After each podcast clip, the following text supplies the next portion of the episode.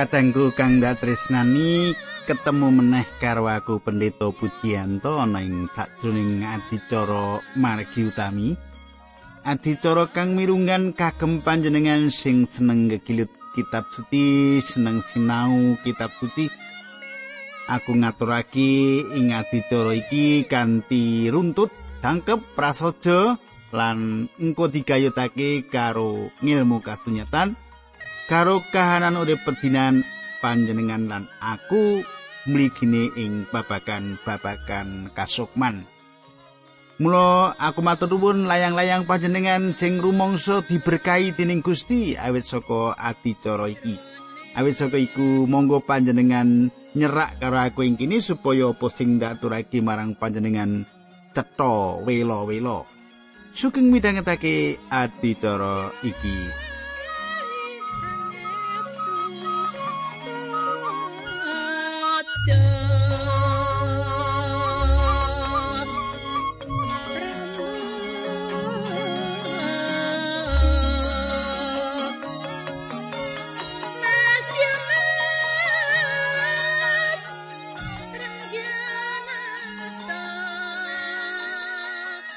Kaya pedaten pangarep-arepku panjenengan kelingan apa sing tak aturake marang panjenengan ing patemon kita kepungkur. Ing patemon kepungkur aku wis ngaturake bab rawi sing kaping pindho, rawi Gusti Yesus sing kaping pindho. Ya kuwi kang ndak aturake marang panjenengan ing patemon kita kepungkur. Saiki arep tak terusake meneh nanging sadurunge kuwi ayo kita padha ndedonga supaya Gusti berkahi kita. Ayo, tumungkul kita ndedonga. Duh Kanjeng Rama ing swarga kawula nyuwun paduka tuntuni kawula ing wanci menika pepanggihan kula kalian sederek pamirsa sedaya menika. Dinambaran asmanipun Gusti Yesus Kristus kawula ndedonga kawula pasrahaken tuntunanipun Gusti menika. Haleluya. Amin.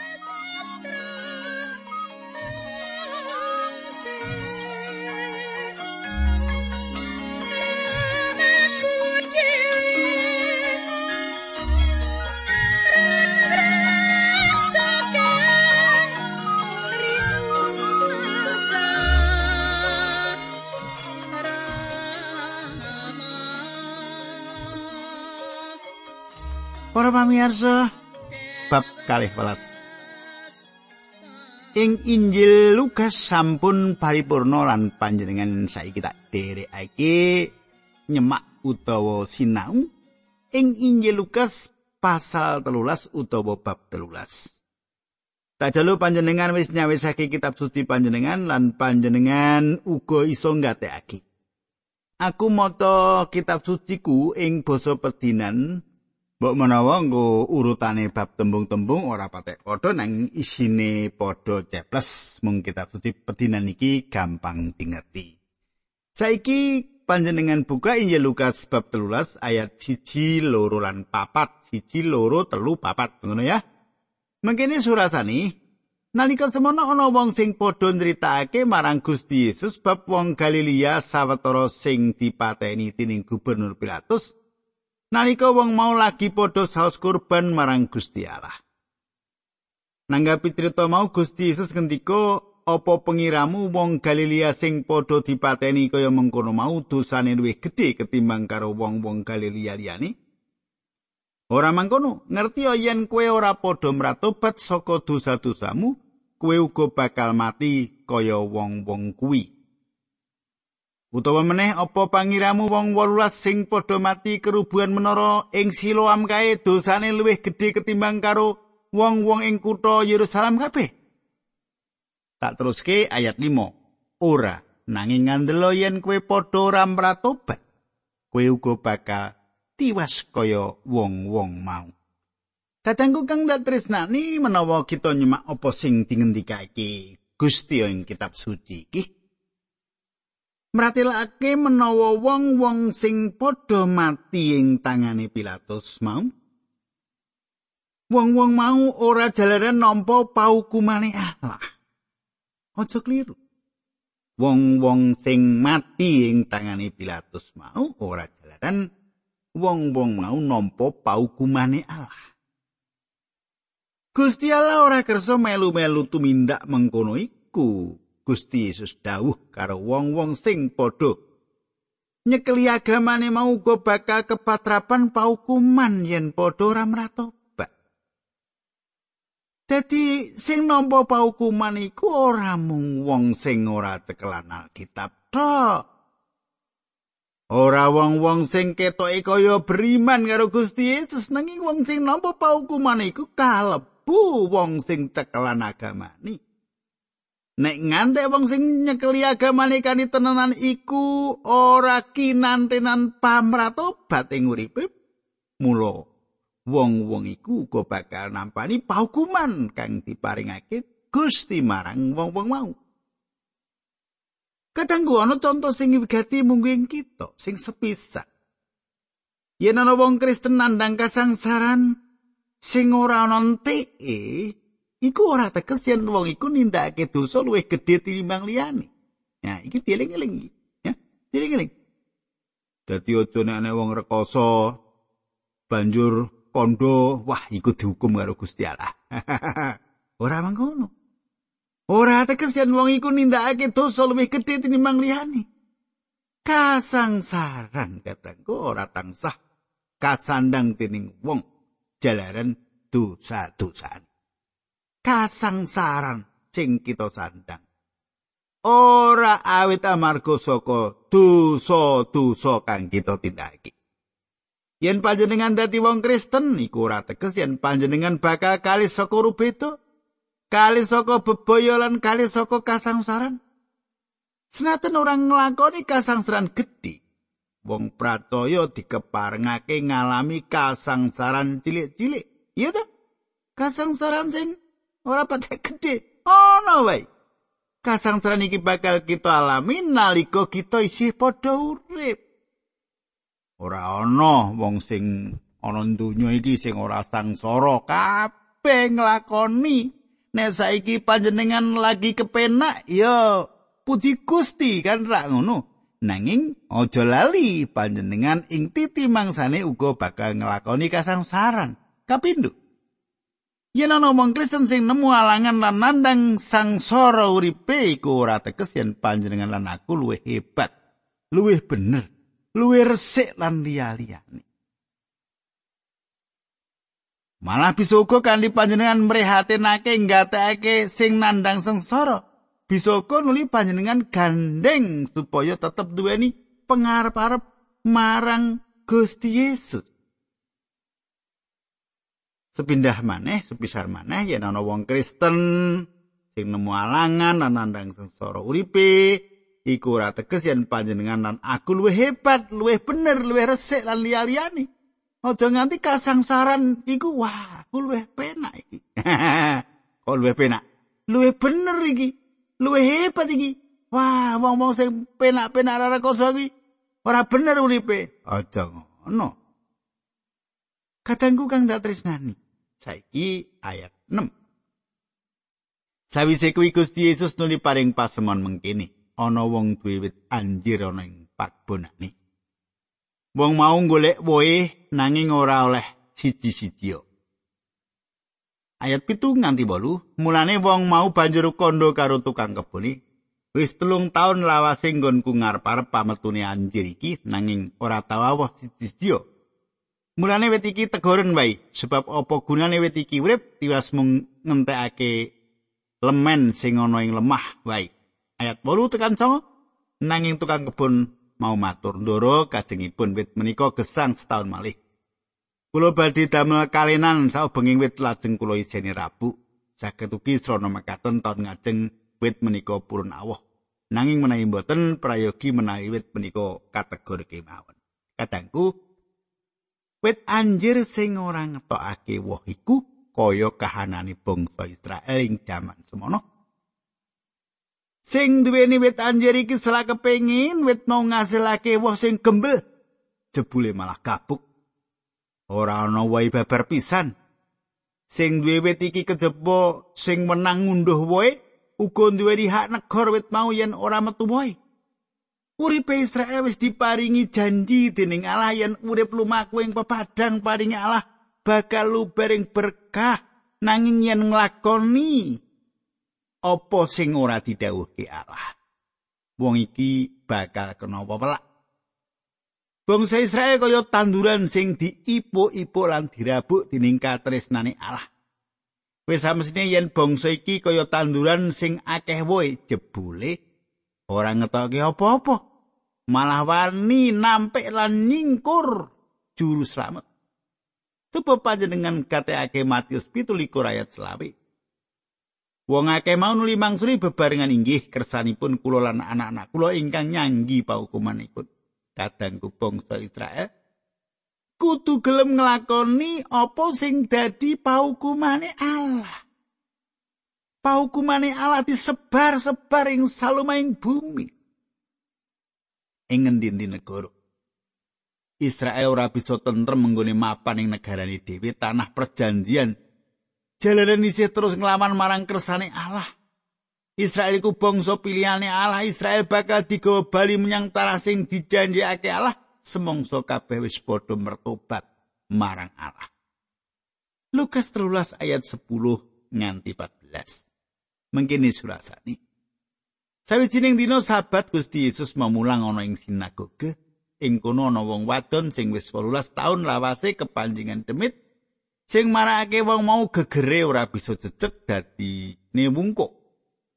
Nalika Gusti Yesus pirsa wong wadon mau nuli ditimbali pangandikane, "Ibu, kowe saiki waraso." Gusti Yesus nuli numpangake astane ing wong mau, lan sanalika iku go gegere wong wadon mau dadi jejeg, mula banjur ngluhurake asmane Allah. Nanging ketapo kepalane sinagoge kono nesu banget jalaran Gusti Yesus marasake wong ing dina sabat. Kepala sinagoge mau muni-muni marang wong-wong sing ana ing kono. ana nem dina kanggo nyambut gawe padha teka ing dina-dina kuwi aja ing dina sabat katengku kang dak tresnan wong wadon iki lagi nandang lara sing nemen Gusti Yesus banjur marasake para pemimpin agama padha nesu gedhe nesu banget ora jalaran wong wadon iku waras nanging nggone marasake kenapa kok dina sabat Ngono manut pikirane wong-wong mau.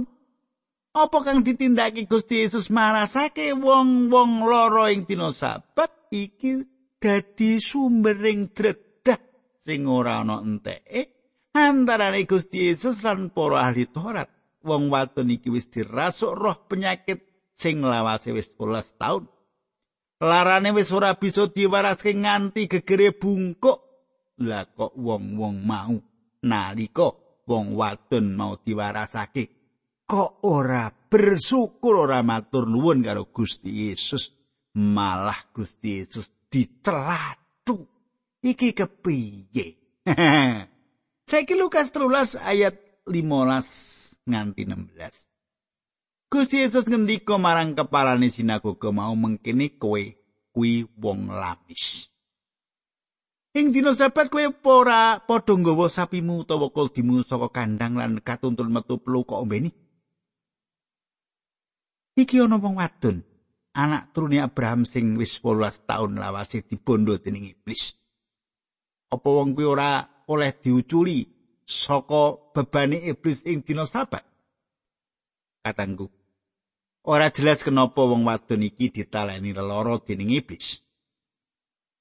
Mesine wong wadon mau dudu wong sing bejat morale jalaran sregep lunga sinagoge sregep lunga nyang pedalaman sembahyangan senajan kuwarasane nyedhihake ing sinagoge mau kebenaran Gusti Yesus rawuh ing kono nuli diwarasake.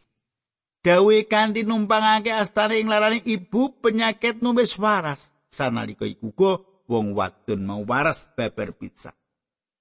Ora mung tumpangan astane sing penting nanging iman. Gegayutan pribadine karo Yesus iku sing luwih utama warase. Marga duwe gegayutan karo Gusti Yesus.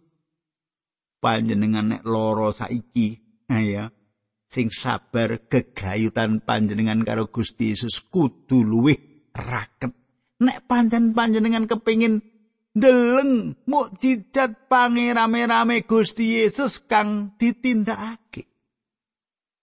para ahli agama iki luwih ketarik tata cara. Para ahli agama iki luwih ketarik aturan ketimbang wong loro sing wis 18 taun lawase. Sing perlu diwarasake. Aneh wong-wong iki. Gumun aku. Pitakoran-pitakoran ing sakiwa tengene nglakoni paugeran sabat iku sing dianggep paling penting ing tengah urip tinimbang marasake wong loro. nglakoni agama luwih penting timbangane duwe welas asih karo pepadane. Lho terus agama gunane apa nek ora ngrubah uripe? Ora ngerti pepadane sing nandang sangsara. Agama sing kepiye kuwi? Nek karo pepadane tegelan. Wah, agama sing bener ya kaya sing ditindakake Gusti Yesus iki ya kuwi duwe sih kawalasan marang wong liya sing nandang kasangsaran.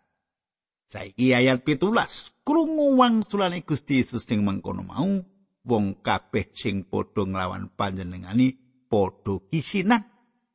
Nanging wong-wong liyane padha bungah weruh lakon ngiram-iramake sing ditindakake dening Gusti Yesus. Mitraku kang ndak tresnani senajan katone wong akeh iku padha seneng ngrungokake pangandikane Gusti Yesus. Nanging nyatane ora mbela marang Gusti Yesus. Wah, jawabe Gusti Yesus pancen cespleng. Yen kita gelem nyinau kaya ngopo kawas kitane Gusti Yesus nggone jawab, bisa kita dadi wong sing pengpengan sadrone debat. Ah, iki ora perlu. Sing perlu apa Gusti Yesus wis makuani urip kita. Katengku, sing perlu apa Gusti Yesus wis manunggal ing urip kita. Ing dina iki panjenengan nanggung momotan sing abot ing gesang panjenengan. Apa panjenengan ing dina iki? Nanggung momotan sing abot. Paribasane nganti wungkuk nggone mikul momotan panjenengan.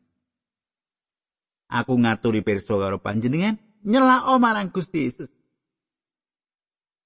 gumantungo marang Gusti Yesus sumendya marang Gusti Yesus panjenengane bakal ngluwari panjenengan saka momotan dosa lan momotan dari panjenengan bakal digawe entek sawano kapan wae ora ana wektu sing dipilih dening Gusti dina Minggu dina Senin nganti Setu wayah bengi awan.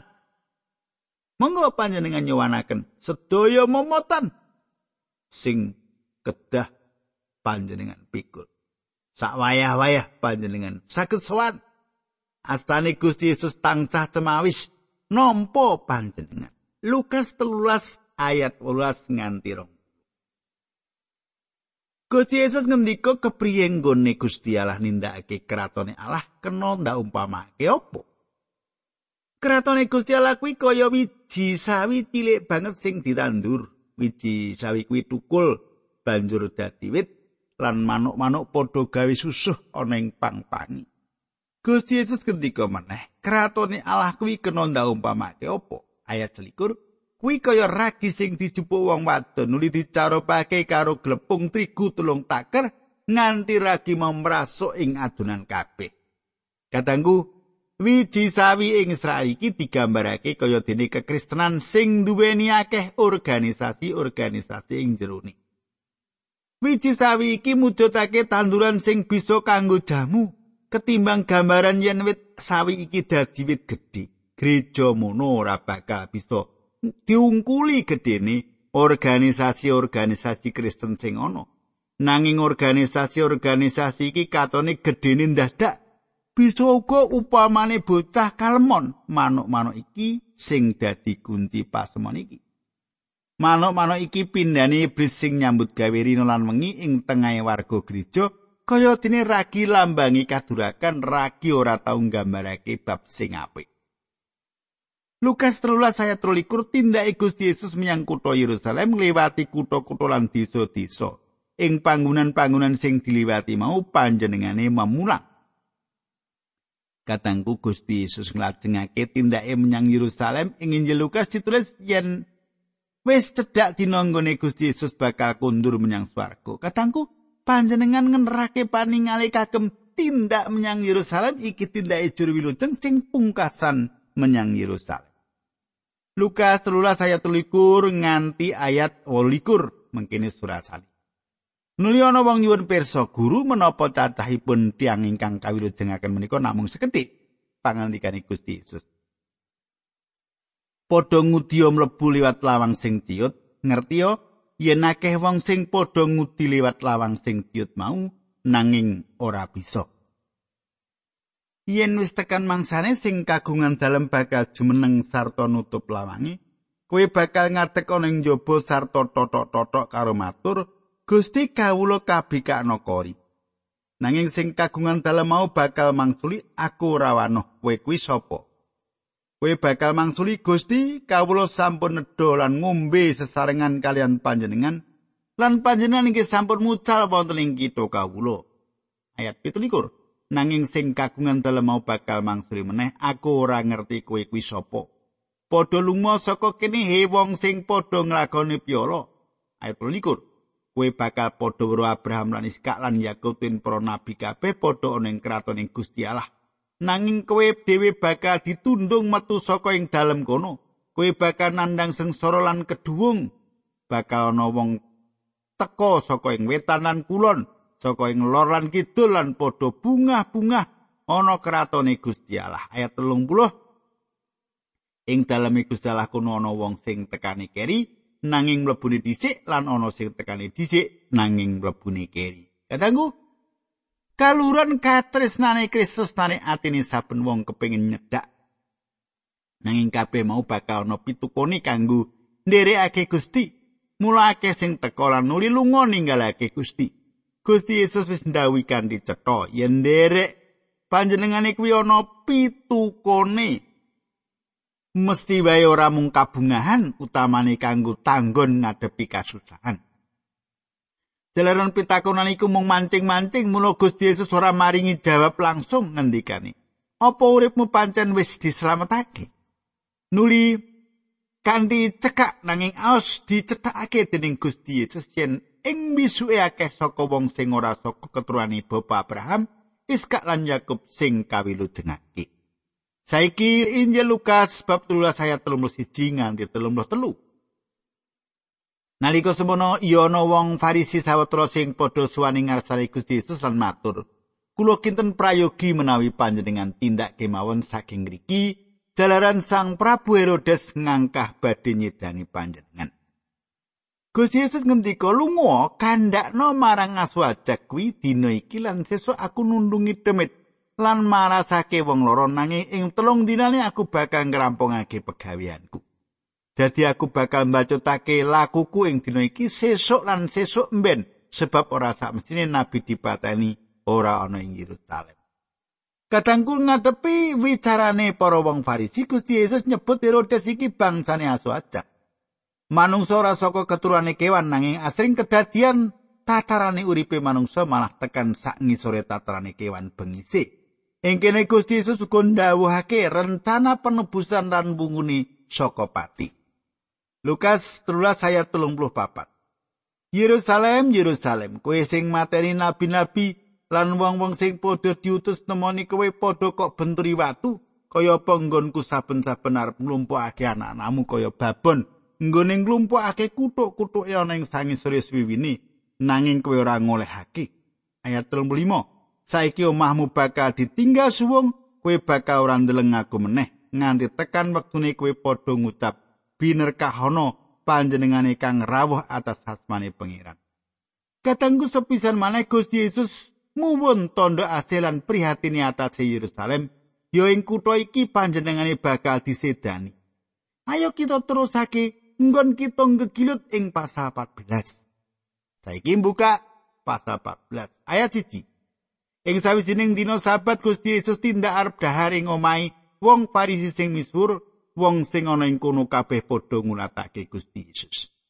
Kadangku yen ana wong sing ngundang aku ing sawijining pesta supaya ana wong sing ngawat-awati lan supaya bisa nyilakani aku, aku mesti ora bakal gelem teko. Ya toh? Nanging Gusti Yesus ora mengkono, Gusti Yesus ora gigrik penggalihe. Ayat sing sepisanan nyritakake kahanan ing pangunan pesta mau. Wong-wong Parisi wis nemokake sawijining cara kanggo mojokake Gusti Yesus mengkoni.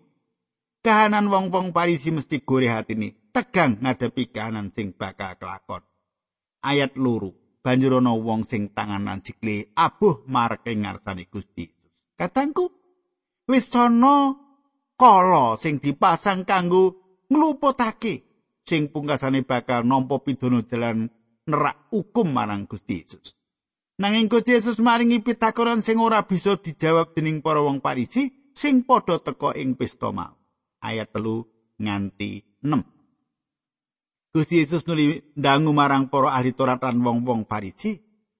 Kitab Taurat marangake wong loro diwarasake ana ing dina Sabat apa ora? Sing padha didangu ora mangsuli. Gusti Yesus nuli ngasta wong sing loro mau banjur diwarasake sarta didawi lunga. Panjenengani banjur ngendika marang para ahli Taurat lan wong Farisi mau menawa ing antaramu ana wong sing duwe anak utawa sapi sing pinuju dina sabat kecemplung ing sumur apa wong mau ora enggak-enggak ngentasake anake utawa sapine mau ing dina sabat kuwi uga? Nanging para ahli Taurat lan wong Farisi mau ora ana sing bisa mangsuli kadangku kang dak tresnani. Monggo kita tumungkul kita ndedonga kanjeng Rama ing swarga matur nuwun pangandikanipun Gusti sampun abdi paduka beberaken sang rasuci kemawon ingkang badhe jelasaken nyetaken dhateng detik kawula menika. Dinambaran asmanipun Gusti Yesus Kristus kawula tunggu. Haleluya. Amin.